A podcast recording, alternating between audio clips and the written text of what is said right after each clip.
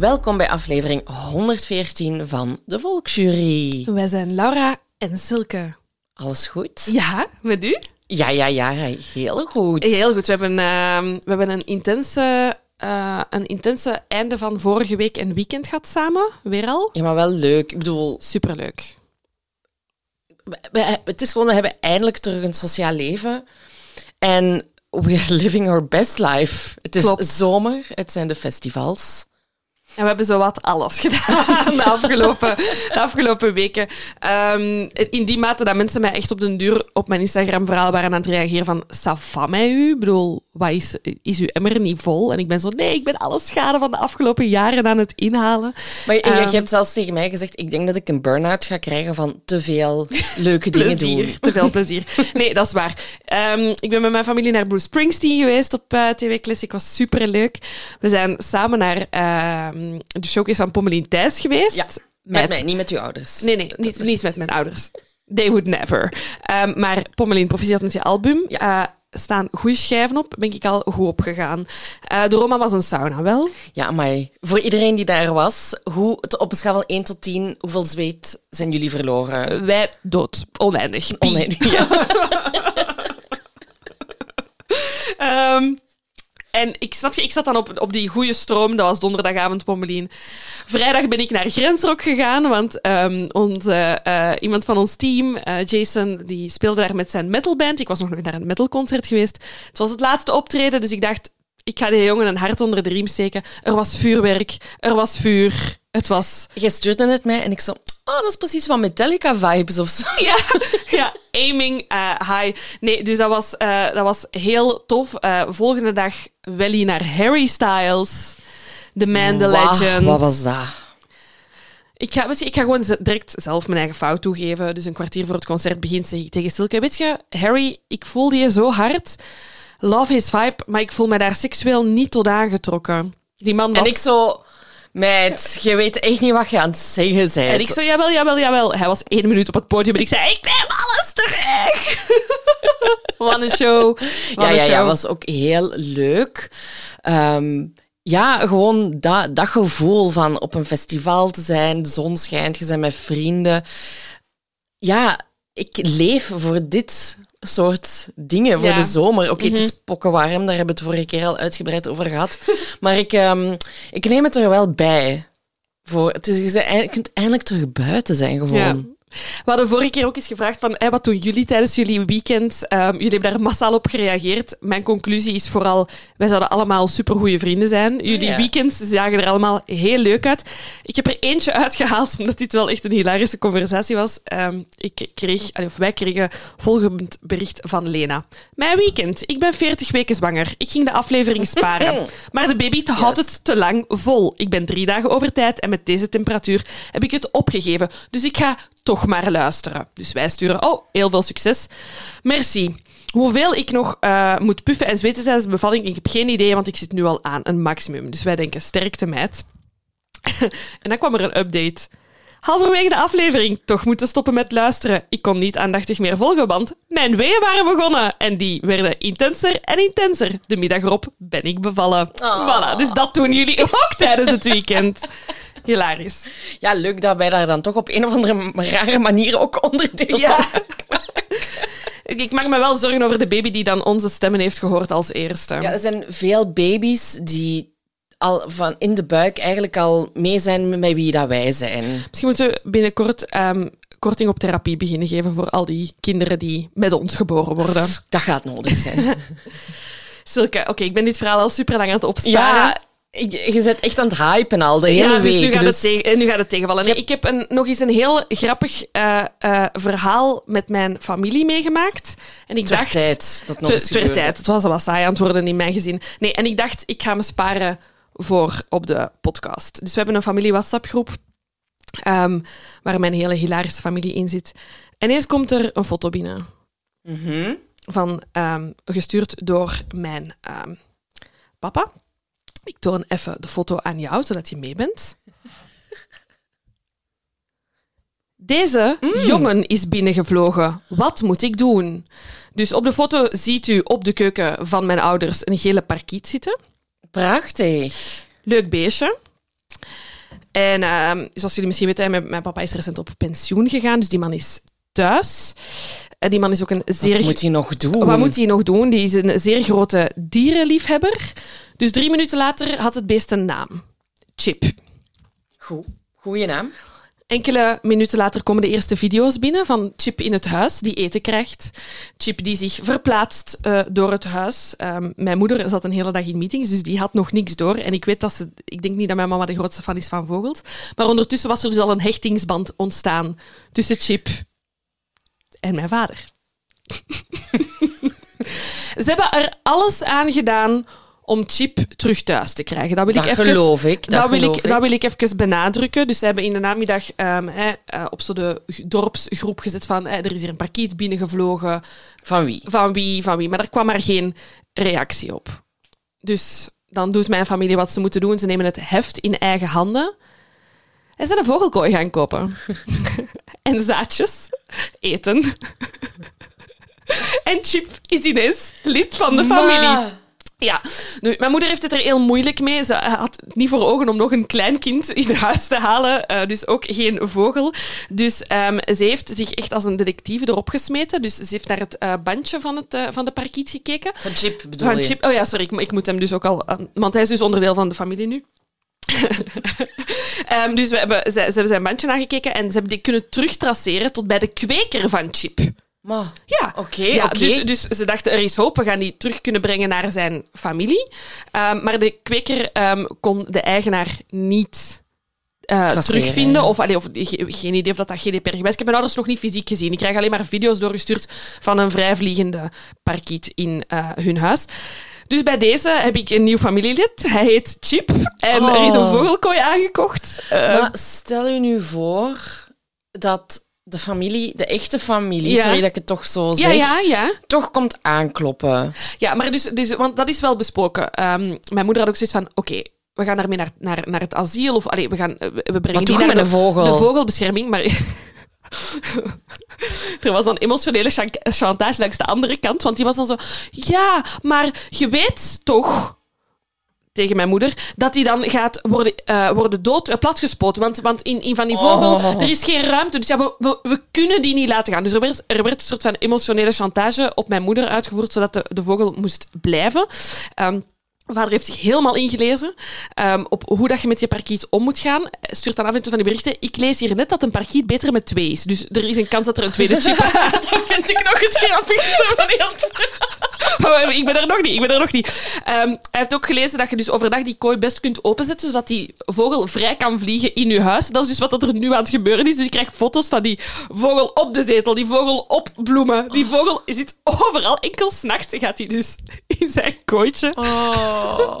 Dus die is volledig opgenomen door eh, de familie. Ik heb een bijkomende vraag. Dus Ja. ehm, met dit Ja, een weer... vragenuurtje begonnen. Ja, met dit weer kunnen er ook geen ramen meer opengezet worden. Nee, dus het gelukkige is eh, dat mijn ouders, die hebben wel zo'n schuifdeur, maar die hebben daar ook een, ehm, Een vliegraam. Een vliegraam.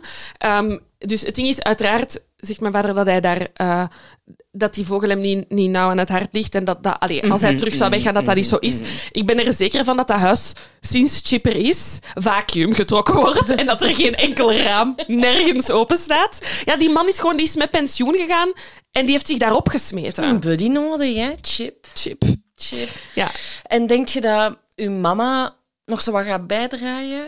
Ehm, ja, Of heeft ze weinig keus gewoon? Ze heeft weinig keus. Hier is gewoon gepusht in één richting. Ehm, ze heeft het nadeel gehad dat ze heel de namiddag eh, in vergadering zat, niet snel heeft kunnen ingrijpen. En mijn broer en ik zijn natuurlijk op dat verhaal gesprongen en direct zo heel hard Doen. de kant. Ja, Ja, ja, ja, ja, ja. ga een vogelkool. Ga. Ja, ja, Chip hoort bij de familie nu. Ja, je moet die bijhouden voor altijd. Ehm, dus we hebben in een bepaalde richting geduurd. Dus, dus langs dit kant wil ik even mij excuseren tegenover mijn moeder dat we eh, zwaar de kant hebben gekozen. Chip is nu part of the family. We zijn nu één grote familie met vier kinderen, twee aanhangsels, twee honden en een parkiet. Ik vind dat dat moet kunnen in deze tijden. We zijn 2023. We zijn 2023, moeder. Get used to it. En, en ehm, is er al een eventuele naam voor een tweede parkiet? dus toen ehm, Chip nog geen naam had, de volle drie minuten, had ik Pino gesuggereerd. Vond ik leuk. Ja. Ehm, maar ehm, het, het, de, de board heeft het niet geaccepteerd. De board of the family, omdat eh, Pino wordt geassocieerd met de kleur blauw. Ah, maar Pinot is ook wel in andere delen van de wereld geel. Ja, hè? Ja. Ja, dus misschien als er dan een tweede parkiet komt, kunnen we die... ehm, Ik zou dat toch nog eens aan de board voorleggen. Ja. En met bewijs, een hele PowerPoint. eh, misschien een PowerPoint, maar ik heb Chip dus nog niet ontmoet, want ja, deze zondag was ik weer op een festival. Normaal ga ik op zondag lang- langs eh, bij mijn ouders, dus ik heb Chip nog niet ontmoet. Oké, ik wil ook video's wel krijgen van Ik heb, ik heb 100 video's, maar dus ik kon u die niet doorsturen, want... vanaf nu. Vanaf nu dus wel. Ehm, om mijn moeder een beetje bij te staan in de leidersweg die ze nu ondergaat. Mijn vader is met pensioen. Ik- En ik heb hem dit beloofd dat ik dit ging zeggen.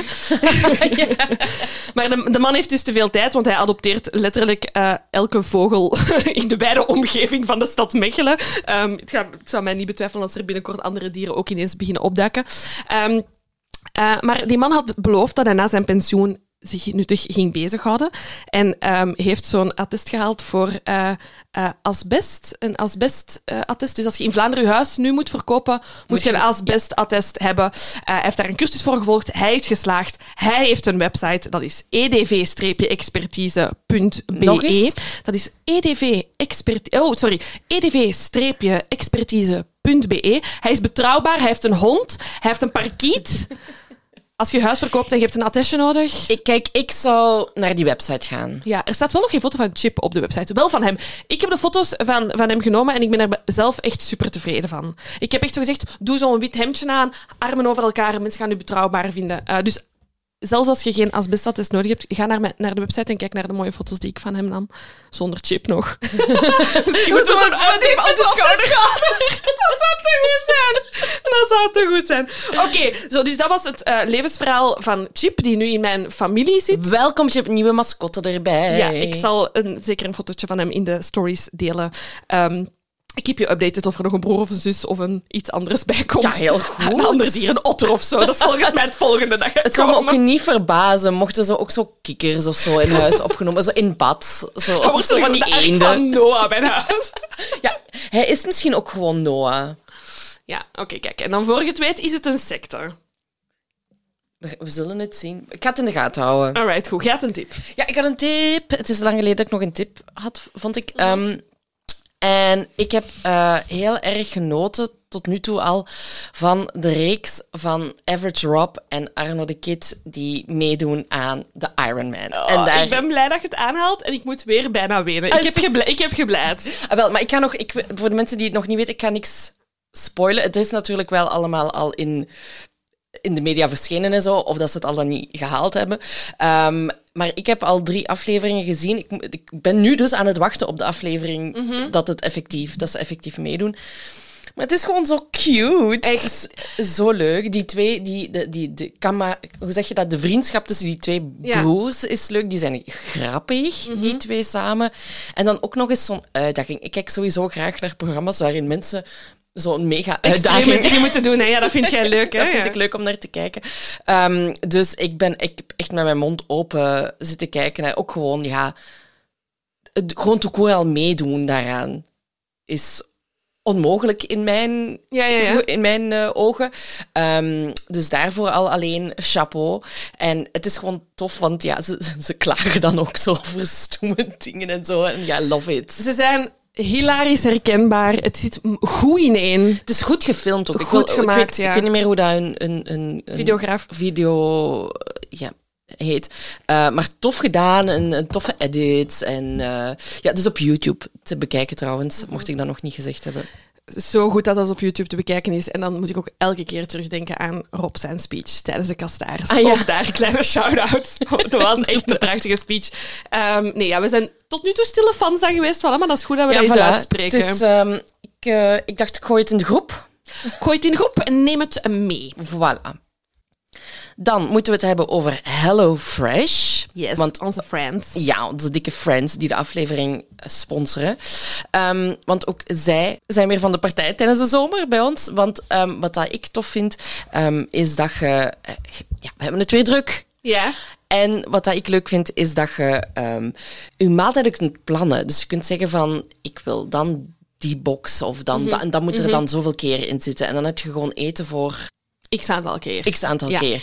En dat vind ik wel heel fijn, dat ik gewoon ook twee of drie dagen lang hetzelfde kan eten. Ja, jij doet dat. Hè? Jij Ja, kookt dan dus- ineens heel veel. Dus ik zeg dan bij, bij HelloFresh van, "Mm, ik ga dat niet gewoon voor twee personen Ja. bestellen, maar voor drie of vier. En dan, en dan hoef ik ook gewoon niet altijd te koken. Het is, hè, je kunt zo vaak ook wel kiezen van snel koken of Mhm. ik wil iets, iets meer koken en zo. Maar soms vind ik het ook gewoon fijn om maar één keer per week te moeten koken of zo. Ja. En dat kan ook wel eh, als je dit doet. Dus dat vind ik Ja, zo, leuk. zo wat meal preppen, maar dan met HelloFresh. Kijk hoe. Ja, en ik kan me ook voorstellen, nu mensen in de zomervakantie, moet het ook wel handig zijn. Stel dat je een week op vakantie bent geweest en dan zo snel boxje bestellen, dat je niet meer naar de winkel moet. Als je teru- net terugkomt van vakantie. Ja. Lijkt mij ook een handige feature. Zeer zeker. We hebben het er al over gehad. Ze hebben een app waarop dat je dit ook allemaal kunt doen. Ja, Ehm, en ook handig. Als je, als, je, als je niet wilt me- meal preppen, er staan meer dan 35 verschillende recepten Je kunt elke Dus dag koken. Het kan allemaal. Het is voor iedereen.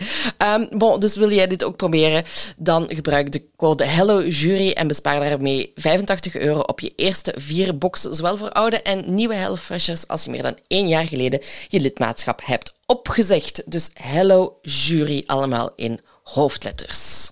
Alright, en dan staat er hier naast ons, jongens, onze... Ja, jullie kunnen dit niet zien. Ehm, onze nieuwe buddies. Ehm, ik denk dat we het eh, al... Of ik moet het in ieder geval niet wegsteken dat ik lid ben van de Arab-secte. Ja, ik had mij eh, op de achtergrond gehouden nog de vorige keer.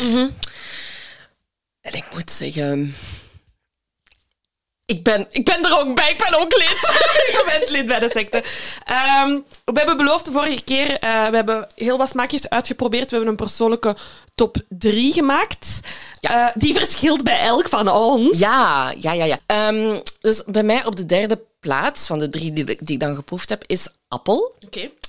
Ehm, omdat ik denk, er gaan wel mensen dat lekker vinden, maar het heeft zo eerder meer de smaak van de lolly smaak appel. En geef mij nu. Ja. ja, voilà. maar dat, vind, dat vond ik dan mm, misschien wat te, te zoet voor Te mij. zoet in plaats van fris. Ja. Exact. Ehm, op de tweede plaats staat yuzu rozemarijn. Ik heb tot, tot op heden geen idee wat yuzu is. Yuzu is een Japanse citrusvrucht. Oké, prima. En eh, op één staat peach, omdat eh, ja, ik drink sowieso graag iced tea peach. Maar nu is het gewoon water wat ik drink met het smaakje peach. Dus dat vind ik Top. ideaal. Top. Oké, bij mij op drie staat Tea Peach. Ah, Ehm, ja, oké, ja, ehm, een beetje met dezelfde reden. Ik heb heel graag pesh in mijn drankjes, in mijn yoghurt. eh, dus aangenaam om water zo te drinken. Op twee, eentje, eh, toen het zakje eh, werd geopend, zei Lucas, what the fuck, dat gaat jij niet drinken. Jij lust dat niet. Namelijk cassis. Ah ja. Dat is zo de allee, ja, niet alleen liqueur, maar zo'n beetje. Je, je hebt één, je hebt donkere grenadine van cassis, maar het wordt ook gebruikt om bij cava te doen. Daarvan ken ik het. Voor een keer royal. super lekker, lust ik normaal dus niet graag hier wel. En op nummer 1 staat lemon basil.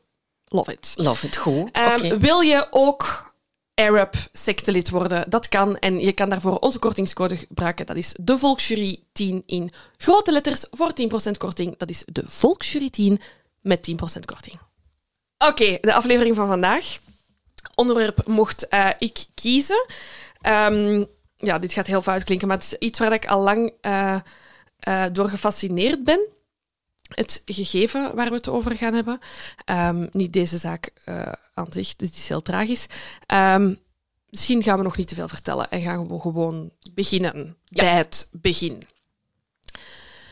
We zijn 5 augustus 2004 en om 13 uur gaat de telefoon bij de politie van Schaarbeek. De oproep komt binnen uit de Walemstraat en eh, ze geven mee dat er een vrouw thuis onwel is geworden. Politie is onderweg naar daar, hulpdiensten tegelijkertijd. En wanneer de agenten arriveren, zijn de hulpdiensten al aanwezig. Die geven een hartmassage aan een jonge vrouw, Latifa Hachmi. Zij ligt in de woonkamer op de grond. Wat stellen de eh, agenten vast? Haar hele lichaam zit onder de blauwe plekken. Ze heeft een hersenbloeding gehad. En bij het binnenkomen horen de agenten enorm luide muziek. Is het de manier waarop ze het beste kunnen omschrijven? Het zijn ehm, iemand die eh, ja, zo wat parlando-verzen aan het citeren is. Ehm, het lijkt dat er niet is gevochten in het appartement. Maar er zijn wel een aantal vreemde items uh, die teruggevonden kunnen worden, verspreid over alle kamers, dus zowel woonkamer, badkamer, keuken, liggen waterflessen van 5 liter. Sommige zijn volledig vol, andere zijn leeg. In de badkamer hangt er overal haren, dus in de badkuip, op de tegels, op de grond. Agenten spreken um, een, de, de, man, de 26-jarige man van Latifa aan. Uh, zijn naam is Murat. Ze vragen, wat is er gebeurd? Waarom heb je de hulpdiensten uh, moeten bellen? En hij zegt, kijk, ik ben hier uh, vanmorgen vertrokken. Zij uh, had hoofdpijn. Hè, Latifa had hoofdpijn. Ze ging in bad gaan om die zware hoofdpijn te verhelpen. En ik heb haar nu rond de middag op deze manier aangetroffen. En daarom heb ik de hulpdiensten gebeld. Uh, ze was bewusteloos op het moment dat ik hier aankwam. En diezelfde avond, uh, dus Latifa wordt naar het ziekenhuis gebeld en ge, gebeld, gebracht. Um, en diezelfde avond overlijdt ze in het ziekenhuis. De dokters daar spreken van een verdachte overlijden en het parket van Brussel gaat daar ook op in en beslissen om de zaak te onderzoeken. En uh, de wetsdokters gaan meteen eigenlijk aan de slag.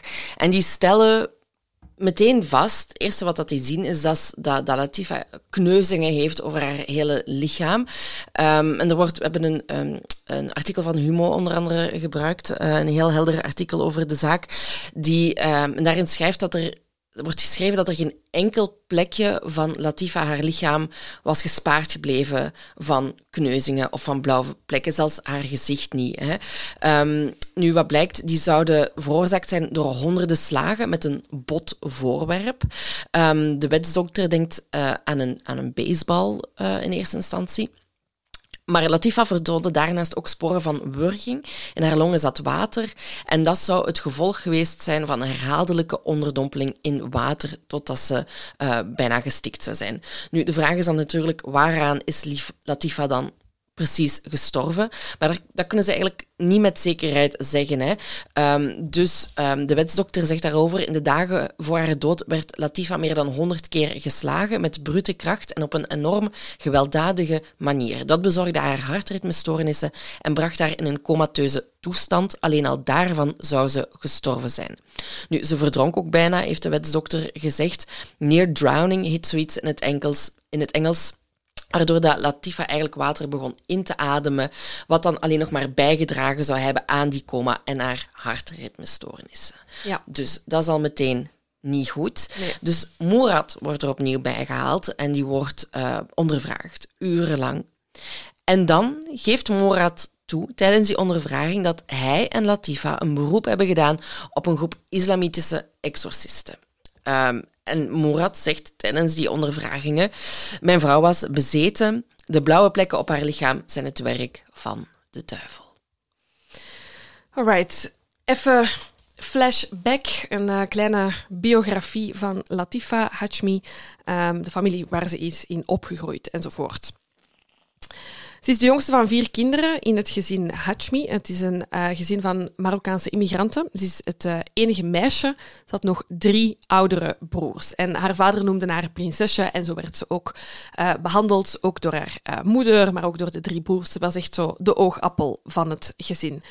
De papa was kapper en hij had um, de mama van um, Latifa in Brussel leren kennen. Het was een huwelijk uit liefde, geen gearrangeerd huwelijk.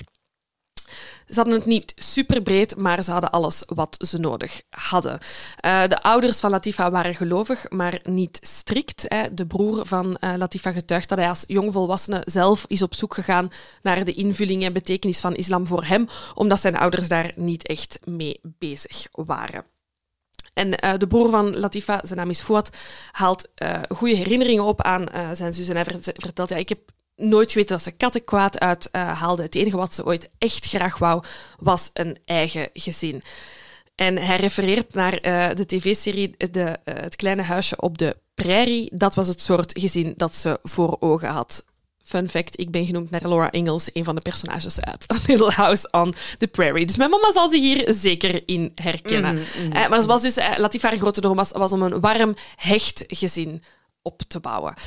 Um, op haar twaalfde gaat ze naar het middelbaar, zoals iedereen. Um, en ze komt terecht in een gemengde school in uh, Woluwe, dat is een deelgemeente in Brussel. uh, en Fouad verduidelijkt dat hij met gemengd bedoelt dat er ook autochtone Belgen in de klas zaten. Um, Latifa volgde daar een wetenschappelijke richting en alles ging daar eigenlijk heel goed tot Latifa in haar puberteit terechtkomt. Ja, want um, Latifa maakt dan eigenlijk duidelijk dat ze een hoofddoek wil dragen.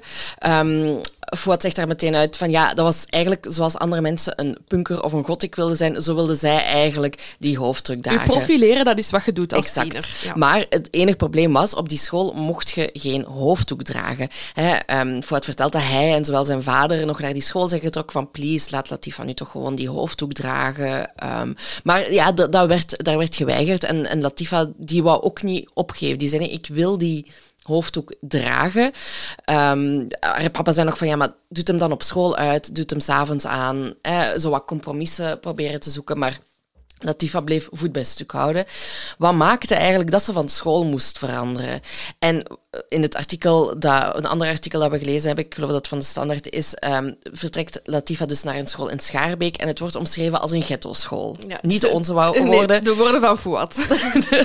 en um, hij zegt, als ik de maatschappij en het Belgisch onderwijssysteem één ding verwijt, dan is het dat. Ik ben er zeker van dat Latifa een open geest ontwikkeld had als ze in Woluwe had kunnen blijven.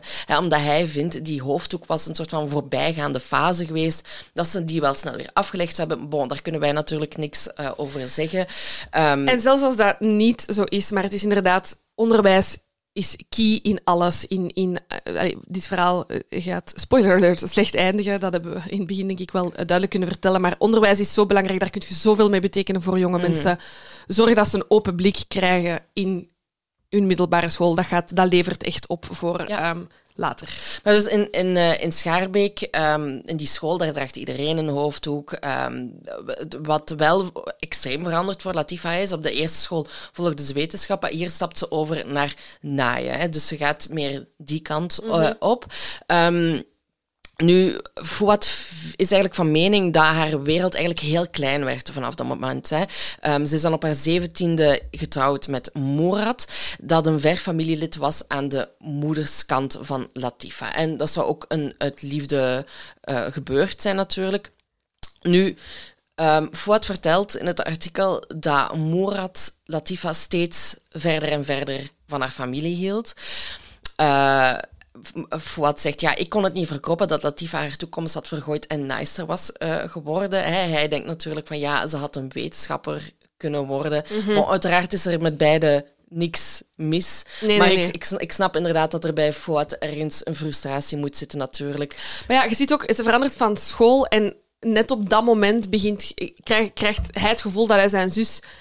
Ook aan het verliezen verder, is, ja, het oog aan het verliezen is. Dus uiteraard hangt je op aan het feit van, ja, alles is veranderd als ze naar die school gaan. Ik begrijp zijn standpunt wel. Ja, en um, hij zegt ook wel van, uh, ja, die volgde avondlessen Frans, maar ja, Latifa mocht dan weer niet naar de avondschool gaan, omdat het dan gemengde klassen waren, hè, jongens en, en meisjes. Waarop Fouad is gezegd zou hebben tegen uh, van ja, uh, het zijn toch ook bij u gemengde klassen, waarom mocht jij dat wel en zij niet? Uh, maar daarop is dan Latifa heel erg kwaad geworden op haar broer um, en is, heeft hij eigenlijk vanaf dan zijn, zijn mond gehouden voor de lieve vrede. Ja. Nu, wat is er daar veranderd als Latifa naar Schaarbeek is getrokken? Ze is in de ban geraakt van een bepaalde uh, naschoolse vereniging. Het is een VZW. De VZW heet nu, of dan VZW La Plume. Ze volgen daar godsdienstlessen uh, samen met gelijkgezinde moslimzusters. Uh, La Plume werd gerund door de 52-jarige, en ik hoop dat ik dit juist ga zeggen, Abdelkrim Aznagoui. Um, dus 52-jarige ex-timmerman, ex-voorkramer, ex-installateur van jackpots in café. Heeft een rijk leven gehad, deze man. Um, en in de jaren 80 was hij het turbulente nachtleven in Brussel beu. En heeft hij dus uh, een switch gemaakt naar religie, maar in een vrij extreme vorm. Hij laat zijn baard groeien, hij zou een te korte broek dragen. En um, hij profileerde zichzelf als Korangeleerde. En islamitisch genezer. Hij had daar geen opleiding voor gevolgd, maar zo zou hij zelf zeggen: ik ben autodidactisch. Um, hij specialiseert zich in één specifieke tak van die islamitische geneeskunde en dat is rokja, dat is traditionele in de brede zin van het woord betekent Rokia de traditionele islamitische geneeskunde.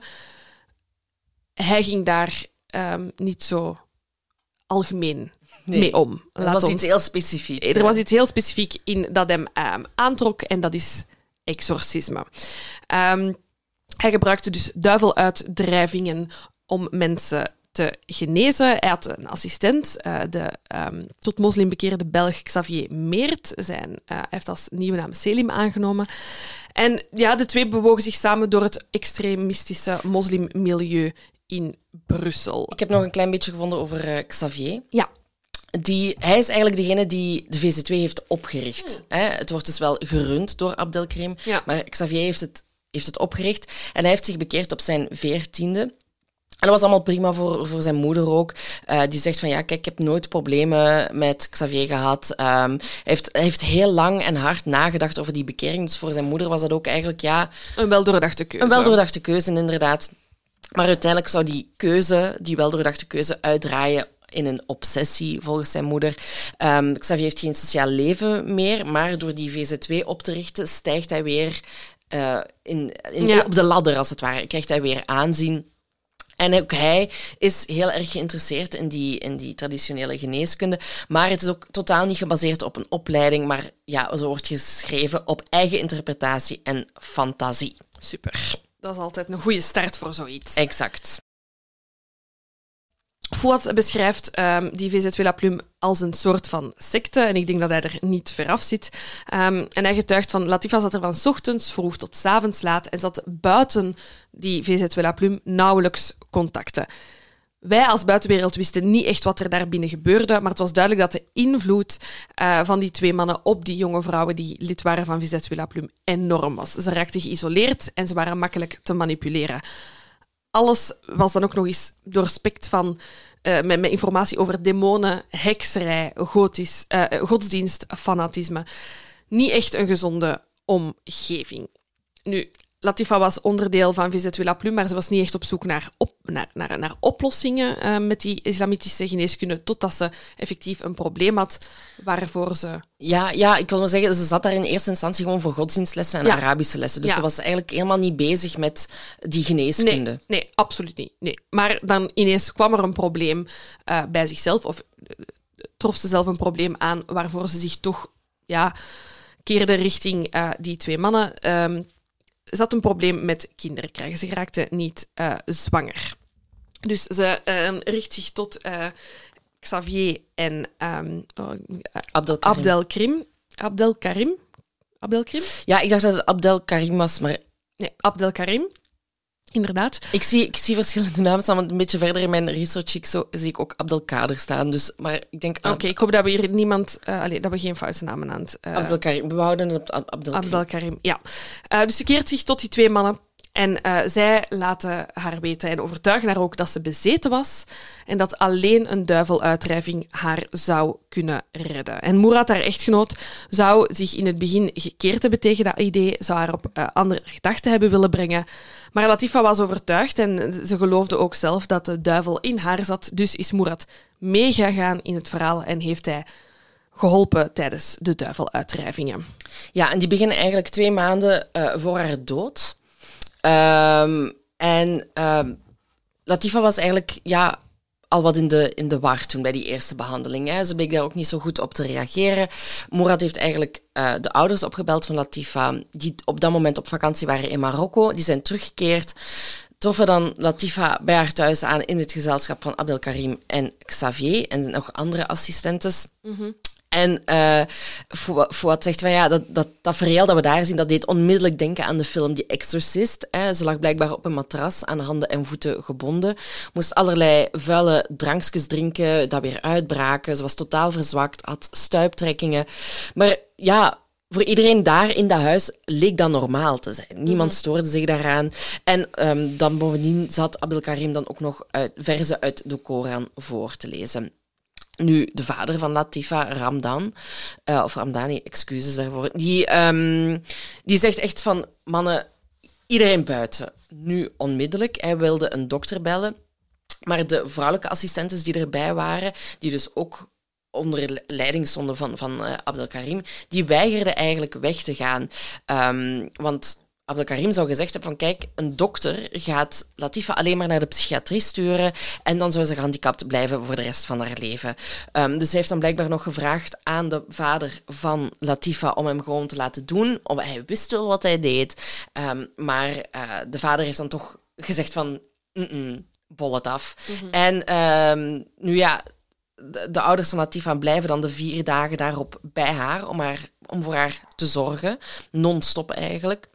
Ze geven haar vitamine, ze laten haar biefstuk eten om aan te sterken. Er wordt eigenlijk echt heel goed voor haar gezorgd ja. en ze komt er ook wel weer Goeie reactie van die bovenop, ouders. inderdaad.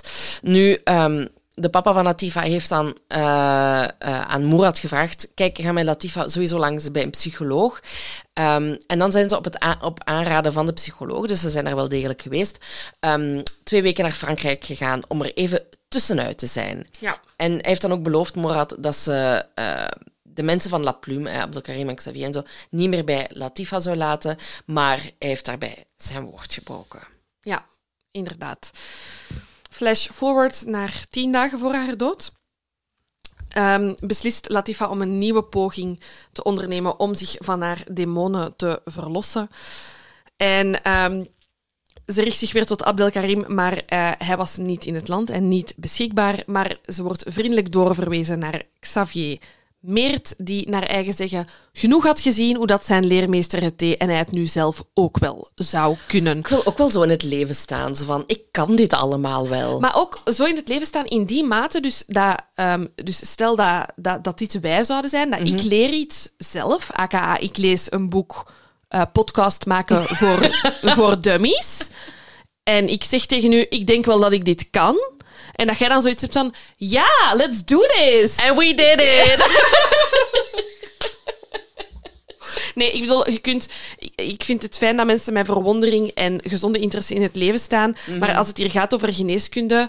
Absoluut. Um, er zijn mensen die daarvoor gestudeerd hebben en die kunnen dat beter dan u. Sorry. Ja, inderdaad. Dat is ook, dat, ik bedoel, Zonder twijfel. Echt, allee, ik bedoel, we gaan toch... Nee, ik wou slechte voorbeelden geven er zijn geen, voor, geen andere voorbeelden. Gewoon speel niet, met je, ja, speel niet met je gezondheid en richt je tot. Ik bedoel, het is duidelijk, kijk naar haar familie, geeft ook aan, ga naar een psycholoog als je met problemen zit. Ja. Goed, topadvies. Um, maar Latifa, helaas, is er zo van overtuigd dat hij uh, met demonen in haar lichaam zit. En uh, Abdelkarim zegt, Xavier Meert, die gaat u verder uh, helpen. En um, Murat, dus de echtgenoot van Latifa, die beslist om opnieuw mee te gaan in, in, dit verhaal. En hij schermt Latifa vanaf dat moment eigenlijk ook volledig af van haar familie. Hij zorgt dat er geen contact mogelijk is. Um, haar ouders zouden regelmatig voor de deur hebben gestaan in de periode die volgt. Um, hij heeft nooit open gedaan. Hij heeft echt gezorgd dat Latifa alleen met haar demonen en haar demonenuitdrijver uh, te werk konden gaan. We zijn dus tien dagen voor um, ja, haar overlijden. En uh, Xavier Meert komt in het appartement om de duivel uit te drijven. Hoe gaat hij dat doen? Um, hij heeft van alles bij. Wat heeft hij mee? Hij heeft Koranteksten mee, die dat hij met safraan op een stukje uh, papier of plastic neerschreef. Dan um, legde hij dat in uh, warm water, zodat dat, die safraan oploste. En dat vocht, dat bruin vocht, moest Latifa zoveel mogelijk drinken en vervolgens uitbraken. Ondertussen werd er een bad met heet water klaargezet. Ook daar werden Koranversen ingelegd, want dat zou de demon verbranden. Murat heeft achteraf getuigd dat alles met haar volledige toestemming is, uh, heeft plaatsgevonden. En ik kan, ik kan geloven dat ze inderdaad alles wou doen om dat ja, fertiliteitsprobleem op te lossen. Dus tot daar de toestemming, maar niemand stemt in met een duiveluitdrijving, lijkt me. Um, Xavier Meert is daar niet alleen, hij heeft twee vrouwelijke assistentes mee. Um, en die laat hij, wat mij betreft, een beetje het vuile werk uh, opknappen. Zo hebben we Jamila. Zij had zelf een duiveluitdrijving uh, ondergaan en was sindsdien uh, gespecialiseerd in het vinden van die demonen. En ze hielp dus ook andere slachtoffers. Dit is voor mij echt standaard Stockholm-syndroom in een mm. secte. Dat is wat Jamila is. En wat moet zij doen? Ehm, zij is ervan overtuigd dat er een knoop in de keel zit eh, van Latifa. Ehm, en dat daar eigenlijk een zeer sterke demon in zit opgesloten. Um, ze duwt om de zoveel tijd twee vingers in de keel uh, van Latifa om haar te doen braken. En dan laat ze dus die vingers in die keel zitten en masseert ze van binnenuit die knoop in haar keel mm -hmm. om die demon eruit te krijgen. Um, als Latifa niet in dat bad zit en geen bruin water aan het drinken is, krijgt ze een koptelefoon uh, op haar hoofd vastgebonden, denk ik dan, waar de mm. Koranversen uh, in worden gereciteerd. Um, als ze wou slapen, was die koptelefoon ook aanwezig. Ja, dus um, hoe dat ze dan echt concreet te werk gaan, wordt ook duidelijk in dat artikel van, van Humo. Um, en daarin, allee, Xavier Meert zo later tegenover de politie verklaard hebben van kijk, um, in eerste instantie waren we alleen aan het bidden, maar we merkten, ja, heeft wel wat weinig effect. Dus ze zijn daarom met het baden begonnen. Hè. En hij zegt, ja, soms ging Latifa daar vrijwillig in, in bad zitten, soms niet. Dan moesten we met ons drieën daarin dwingen. Het, en hij verduidelijkt, het water was heet, maar niet kokend. Oh, Oké, okay, dank u Xavier. Hmm. En um, ja, bon, wat, wat dan ook bleek, is dat Latifa aan haar enkels en polsen was vastgebonden voor het geval de demon in haar zich zou verzetten. Um, nu, ze denken dat dat met spataderkousen en kamerjascentuur uh, is gebeurd. Nu... Um, hij zegt van ja, het gebeurde wel eens dat we haar kopje onderduwden, maar dat was dan telkens heel kort. Maar echt heel kort.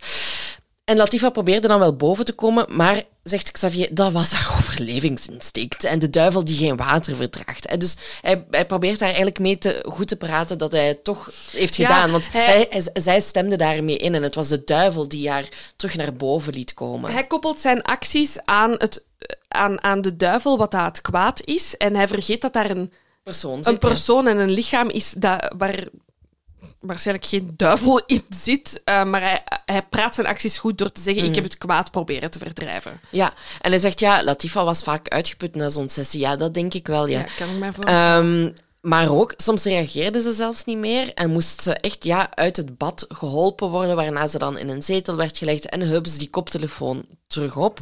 Maar alle betrokkenen zeggen, we hebben haar nooit geslagen. Vergeet niet het kind had kneuzingen over heel haar lichaam. Ja. Xavier geeft, heeft, heeft dan nog een, een, ja. toevoeging. Hij zegt, ja, we hebben haar echt nooit geslagen. Um, er was wel een bidstok aanwezig, um, maar ik heb die dan weggehaald, want ik dacht dat dat misschien verdacht zou lijken. Maar ik heb haar daar niet mee geslagen. Dat bleek een wc-ontstopper te zijn, die volgeplakt was ook met Koranversen. En hij zegt, ik heb daar wel af en toe een lichaamsdeel mee aangetikt, maar ik heb niet geslagen. Ja, ik denk dat we nu weten waar dat uh, blauwe plek vandaan komen. Ja, inderdaad. Nu, um, Latifa heeft zich soms ook uiteraard verzet tegen de pogingen van Jamila om haar te doen braken. En dan, ja, wat deed Jamila dan? Dan trok ze, haar, dan trok ze de kaken van Latifa open. Um, nu, qua eten, dus we weten dat ze heel veel van dat vuil water moest drinken. Maar ze at eigenlijk ook niet meer dan twee lepels yoghurt per dag. Um, omdat ze. Uh, ja, zo, omdat ze dan niet geen voedsel zou uitbraken, maar gewoon de slechte substanties. Dus daarvoor kreeg ze alleen die yoghurt toegediend. Um, nu, er kwam dan uiteindelijk ook niet meer veel uit dan een wit papje, zo wordt omschreven, een beetje zoals lijm. En Xavier zegt daarover, we weten uit ervaring dat dat op magie wijst. Zo zijn er negen dagen voorbij gegaan. Dus als je witte yoghurt eet en je kotst een wit papje uit, dan is het zeker duivels. Dan is het zeker des duivels, goed, ja. Goed om te weten. Dus er zijn negen dagen voorbij gegaan. Latifa, het kind, reageert nog amper. Uh, ik, ik, denk, ze was trouwens ook nog maar 23, ik weet niet of we dat uh, gezegd hebben. Um, half bewusteloos, met nog steeds die koptelefoon op. Um, ja, plaste zichzelf ook uiteraard onder. Maar de exorcisten waren er zeker van. Het kon echt nu niet meer lang duren voordat de djinns, zoals dat wel genoemd wordt, uh, zich uh, ja, gewonnen zouden geven. Nu, um, Jamila zei van kijk, ik heb gemerkt dat de djinn, de demon in Latifa's buik is verdreven, which is good news, want dan kan ze kinderen krijgen. Maar er zit er toch nog één um, die in haar ogen zit. En dus uh, ook nog één gevaarlijker die in haar keel ja. zat. Ja. Dus hups, opnieuw die vingers diep in Latifa's mond. En dan is het uh, 4 augustus, de dag voor Latifa's dood. Ja. Um, het is dan al behoorlijk heftig geweest, maar ja, dit is eh, ja, het, het, het hoogtepunt zeg maar, van de duiveluitdrijving. Ehm, Xavier had aan Murat gevraagd om een bad te laten lopen, Latifa daarin te leggen en haar een zwart sopje te laten drinken. Eh, het, werd, het was een mix tussen een olie-extract en dat Koranwater, dus die verse geweekt in eh, water. En toen Murat dat toediende, begon Latifa heel hevig te spartelen. Ehm, ze heeft aan Xavier zijn baard getrokken. En daarover gedacht, gedacht Xavier, ja, het was zo hard dat ik haar wel heb moeten slaan toen. Ah ja, great. Ehm, ze heeft ook een rekje van de muur getrokken. Dus ja, ja die vrouw gebruikt haar laatste overlevingsdrang om zich hier te, te verzetten. Um, in plaats van haar uh, uit dat bad te halen, beslissen ze om haar verschillende keren onder water te duwen um, en om haar verder te slaan, zodat ze in het water blijft. Ook daar opnieuw wordt achteraf getuigd. We hebben niet op Latifa geslagen, maar op de gin die in haar zat. Um, en als er wordt gevraagd wie precies heeft geslagen, wijzen ze allemaal naar elkaar. Murat geeft aan dat hij toen de hulpdiensten wou bellen, uh, omdat het leek dat Latifa ook gestopt was met ademen, maar dat Aldere Stem dat heeft afgeraden. Er werd uh, aangegeven dat die uh, gin op zijn laatste krachten zou zijn en dat ze dus eigenlijk goed bezig waren, dat ze zeker niet moesten stoppen. Er is nog iemand die een telefoontje doet en dat is onze Xavier. Want um, die voelt aan zijn water dat de situatie niet super gaat. En hij belt naar wie anders dan zijn leermeester Abdelkrim. Die band zit in Marokko. Xavier legt de situatie uit en hij heeft eigenlijk maar één vraag voor Abdelkarim, namelijk wat moet ik doen als Latifa komt te sterven? Ja, tot daar gaat de kennis dan maar, blijkbaar. Ja, ja je, moet, je weet wat je moet doen om een duivel uit te drijven, maar wat als het fout loopt? Um, en ik, ik, weet niet wat Xavier had verwacht van antwoord, maar het antwoord dat Abdelkarim geeft is exact het antwoord dat ik had verwacht. Namelijk, als dat gebeurt, dan pakt je boeltje en dan zijt je weg. Great. Dat zijn, dat zijn, de mensen aan wie dat je je leven dan overlaat. De hulpdiensten um, worden uiteindelijk dan toch gecontacteerd, want Latifa is gestopt met ademen. Uh, en wanneer zij arriveren, is Murat uh, alleen thuis. Dus dat betekent dat Xavier de goede raad van zijn leermeester heeft opgevolgd. Samen met die wc-ontstopper. Samen met de wc-ontstopper en zijn assistent met Stockholm-syndroom Hops weg. Um, iets later is Latifa's vader dan ook aangekomen, die al honderden keer was gaan aanbellen voor, bij de woning. Um, hij heeft zijn dochter dan nog zo verzwakt gezien. Um, en die avond overlijdt ze dan, zoals we al eerder zeiden, in het ziekenhuis. Nu, we weten al dat, uh, dat hebben we al gezegd, dat Mourad uiteindelijk dat bekend heeft allemaal. Dus twee jaar later verschijnt heel dat groepje van exorcisten voor de correctionele rechtbank uh, wegens slagen en verwondingen met de dood tot gevolg. Maar er worden heel lichte straffen uitgesproken. Ja, hier rollen mijn ogen uit mijn kassen. Ja, dus ik lees even voor. Xavier Meert kreeg vijf jaar voorwaardelijk en moest niet meer naar de gevangenis. Zijn assistenten kregen een paar maanden voorwaardelijk. Latifas man uh, kreeg vier jaar voorwaardelijk. En Abdelkarim, die volgens de rechter wel moreel verantwoordelijk was, werd vrijgesproken. Nu, um, Fouad, een hele familie woedend natuurlijk voor die lichte straffen. En, en hij zegt daarover, ja, kijk, de correctionele rechtbank heeft zich laten inpakken door de advocaten die zeiden dat het om een cultureel gebruik ging, eigen aan de islam, waarbij een ongelukje, tussen aanhalingstekens, uh, gebeurd is. Maar dat is het helemaal niet, zegt uh, Fouad. Het gaat over een gijzeling, foltering, verdrinking in een bad, slagen en verwondingen, psychologische terreur, een misdaad. Geef die Fouad een platform, alsjeblieft. um, Dus de reden dat ik deze aflevering graag wou maken, was omdat ik graag iets over exorcisme wou doen. Um, en toen ik op deze zaak kwam, um, was ik um, verbaasd, omdat ik exorcisme echt link met het uh, christelijke geloof.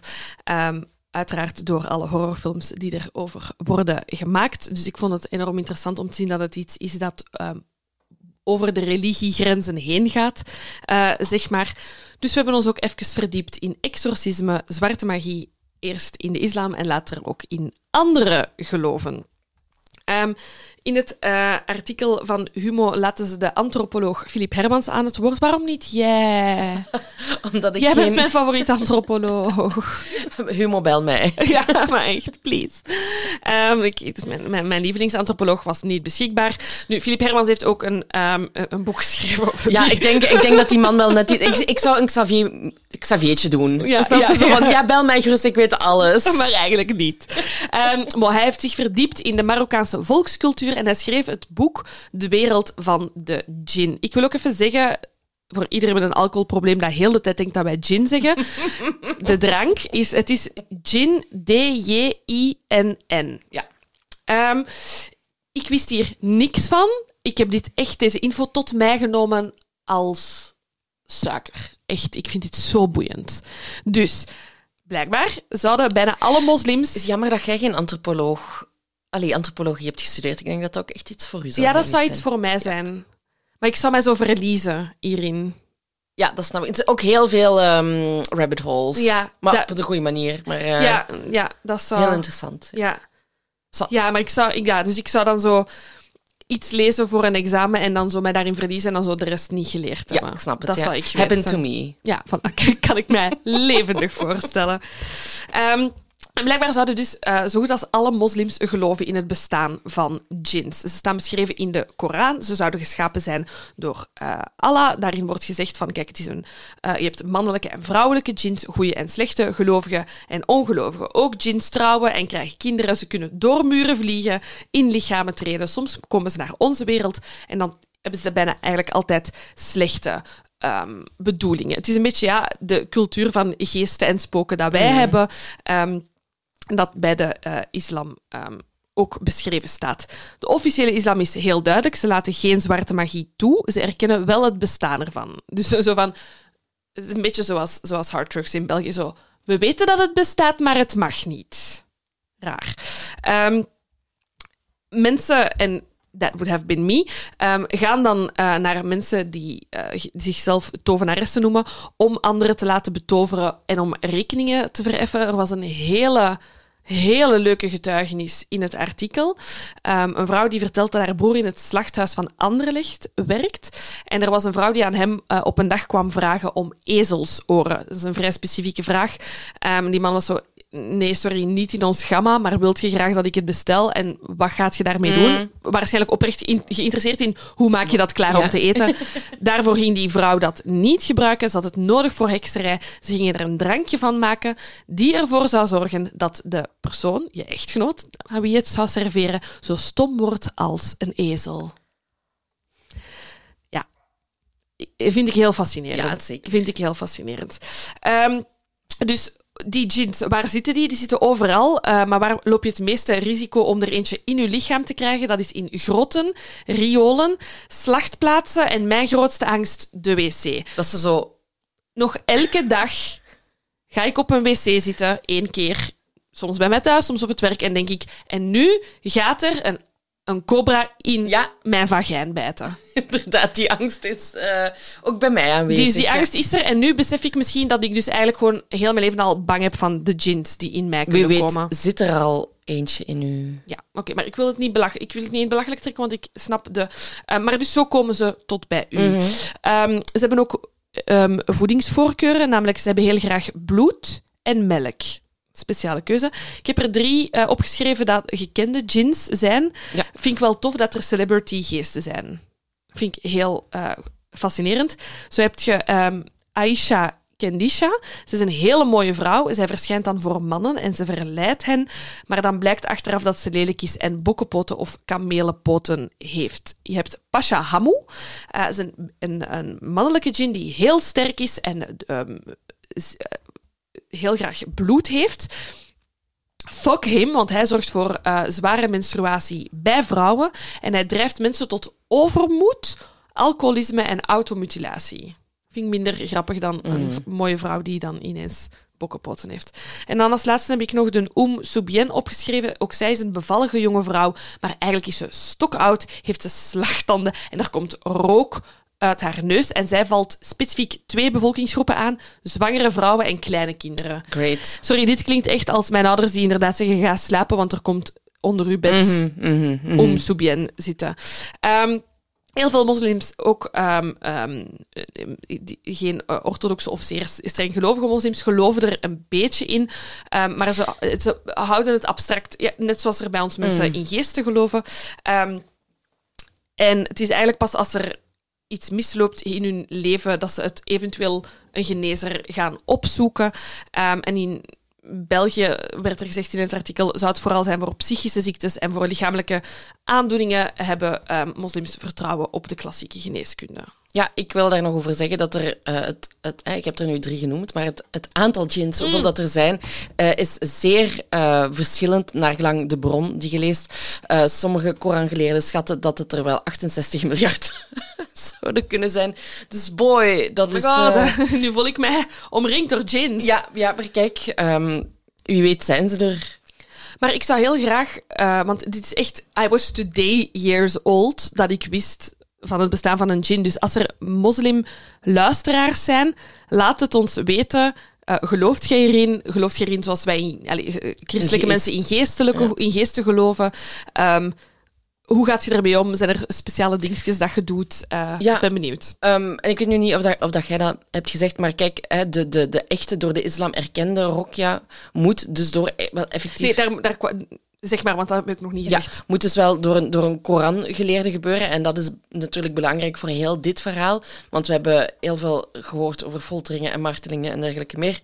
Maar eigenlijk, de, de demonen, de djinns, kunnen uitgedreven worden, maar enkel en alleen door Koranversen te citeren. Hè. Eh, er staat in het artikel zonder heel, die hele poespas van in Schaarbeek. Ehm, want wat dat, zich daar heeft afgespeeld, doet me meer denken aan leerlingtovenaars die niet weten hoe ver ze kunnen gaan. Het lijkt mij ook, eh, dus dat, dat citeren of, of dat reciteren van die Koranversen lijkt mij ook iets heel, ehm, maar misschien interpreteer ik het fout, ehm, omdat dat zo repetitief, dat je een soort van meditatie, ja. trance komt, eh, wat iemand met die, die, die psychisch onrustig is wel rustig kan maken. Dus ik kan wel begrijpen van waar het, het reciteren komt en, en, en om tot iemand te geraken. Of. Ik snap wel van waar de, de niet-traditionele insteek is. ehm, maar het is goed dat ze er duidelijk over zijn dat, dat hetgene is dat helpt en al de rest niet. Nu, we hebben het over de islam gehad, maar ja, bon, eh, laten we wel wezen, dit is niet enkel en en alleen eh, een islamitische aangelegenheid, zoals wordt gezegd.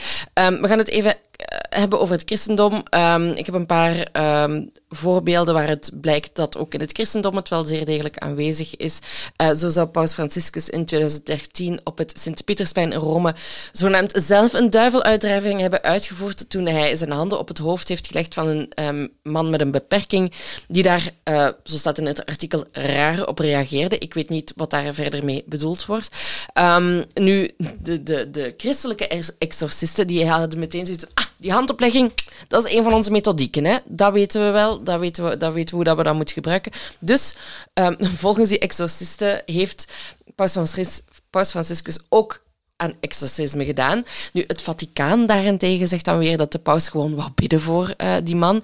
Maar de paus himself heeft dan op zijn beurt gezegd dat priesters niet moeten aarzelen om bij bepaalde spirituele stoornissen een exorcist in te schakelen. En ehm, dit vond ik... ehm, eh, dit vond ik heel apart. Dus we hebben hier in België de website kerknet.be. Ik ben, gaan, ik ben het Ik- nog eens gaan nakijken. Ik ben het ook gaan nakijken en het staat er nog steeds op. Die verwijzen in een ehm, nieuwsartikel ehm, naar een opleiding voor exorcisten in het Vaticaan.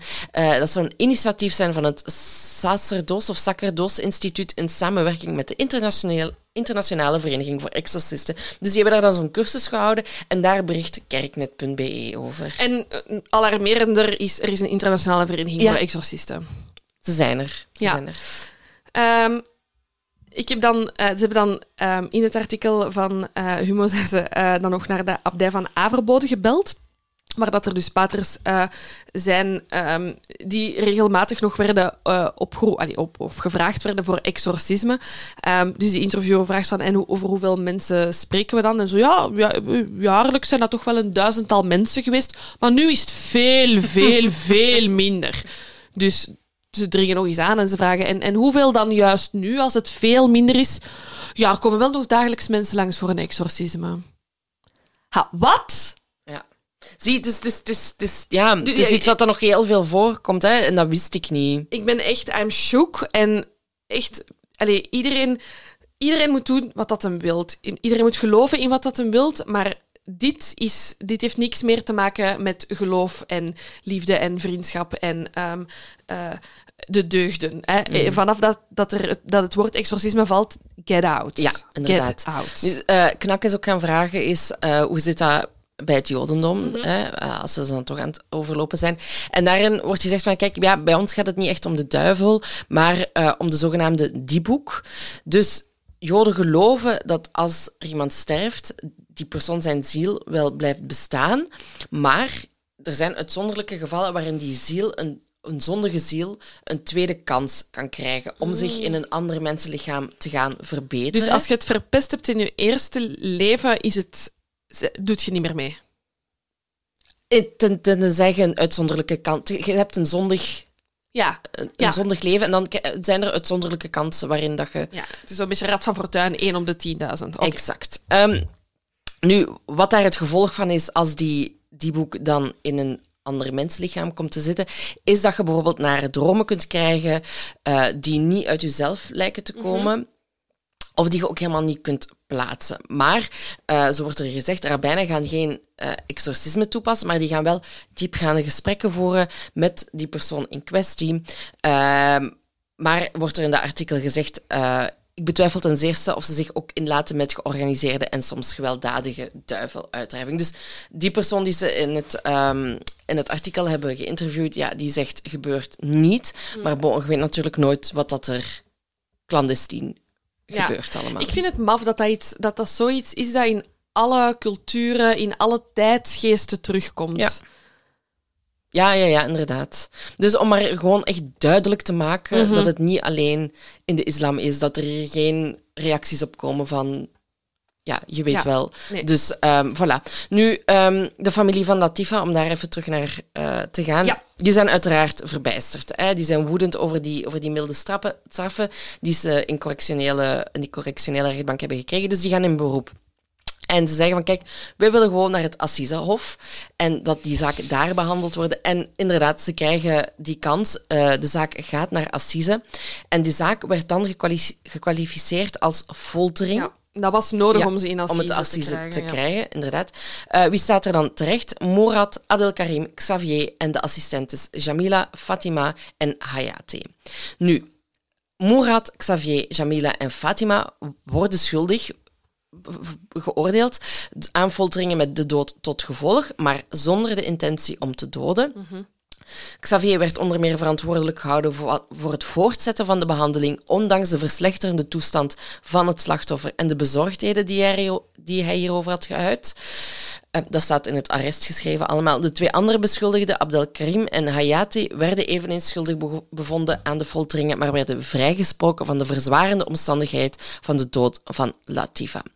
De juryleden waren van oordeel dat Xavier en Mourad de twee verantwoordelijke waren voor de slagen die de dood hebben veroorzaakt. Ja. Dan. De jury oordeelde ook dat eh, Jamila en Fatima ehm, hadden vastgesteld dat het slachtoffer zich in een coma bevond. En die hebben dan daarop niet de hulpdiensten opgeroepen, hè, waardoor dat ze zich ook hebben schuldig gemaakt aan schuldig verzuim.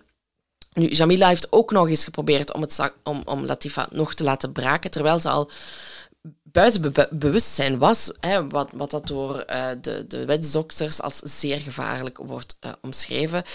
Ehm, ja, natuurlijk, als je buiten bewustzijn bent en je gaat nog braken, dan is de kans reëel dat je daar natuurlijk ook gewoon in Ehm, daarnaast oordeelde de jury ook dat Abdel, Abdelkarim enkel in juni 2004 was tussengekomen, dus bij het begin van de sessies, en dat hij dus niet verantwoordelijk kan gehouden worden voor de dood van Latifa. Ehm, maar die eh, ze maken ook die overwegingen voor Hayate, en daar zeggen ze, ja, dat klopt niet, want eh, ja, ze had sinds ju- 29 juli geen contact meer met het slachtoffer. Of het werden weerhouden, dat is...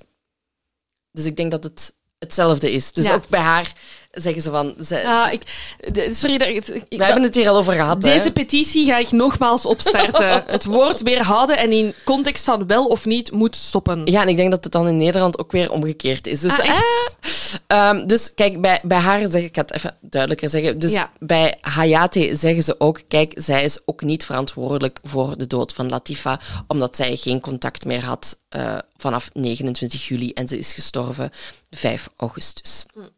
Ehm, dus dan op het assiseproces zijn eh, uiteindelijk Murat en Xavier tot negen jaar cel veroordeeld wegens het folteren van Latifa.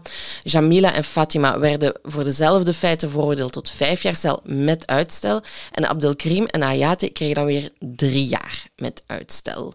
Dus Ja, beter, maar, maar niet veel beter. niet veel beter, Nee. inderdaad.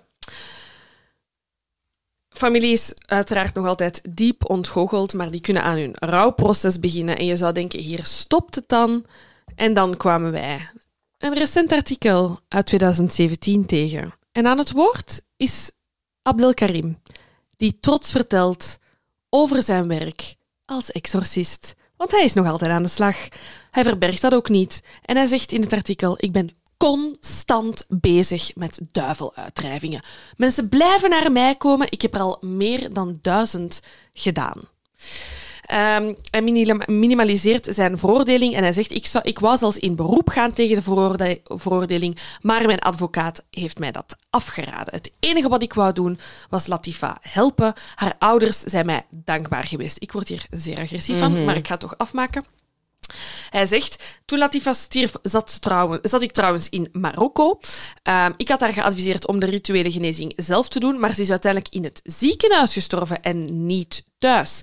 Ik heb tijdens het proces ook tegen de politie gezegd dat ze altijd welkom zijn bij mij om eens te komen kijken naar zo'n duiveluitdrijving. En ik heb het ziekenhuispersoneel van het ziekenhuis voorgesteld om aan de ingang van hun psychiatrie Koranversen te reciteren. Ik ben ervan overtuigd dat ik zoveel zieke mensen zou kunnen helpen.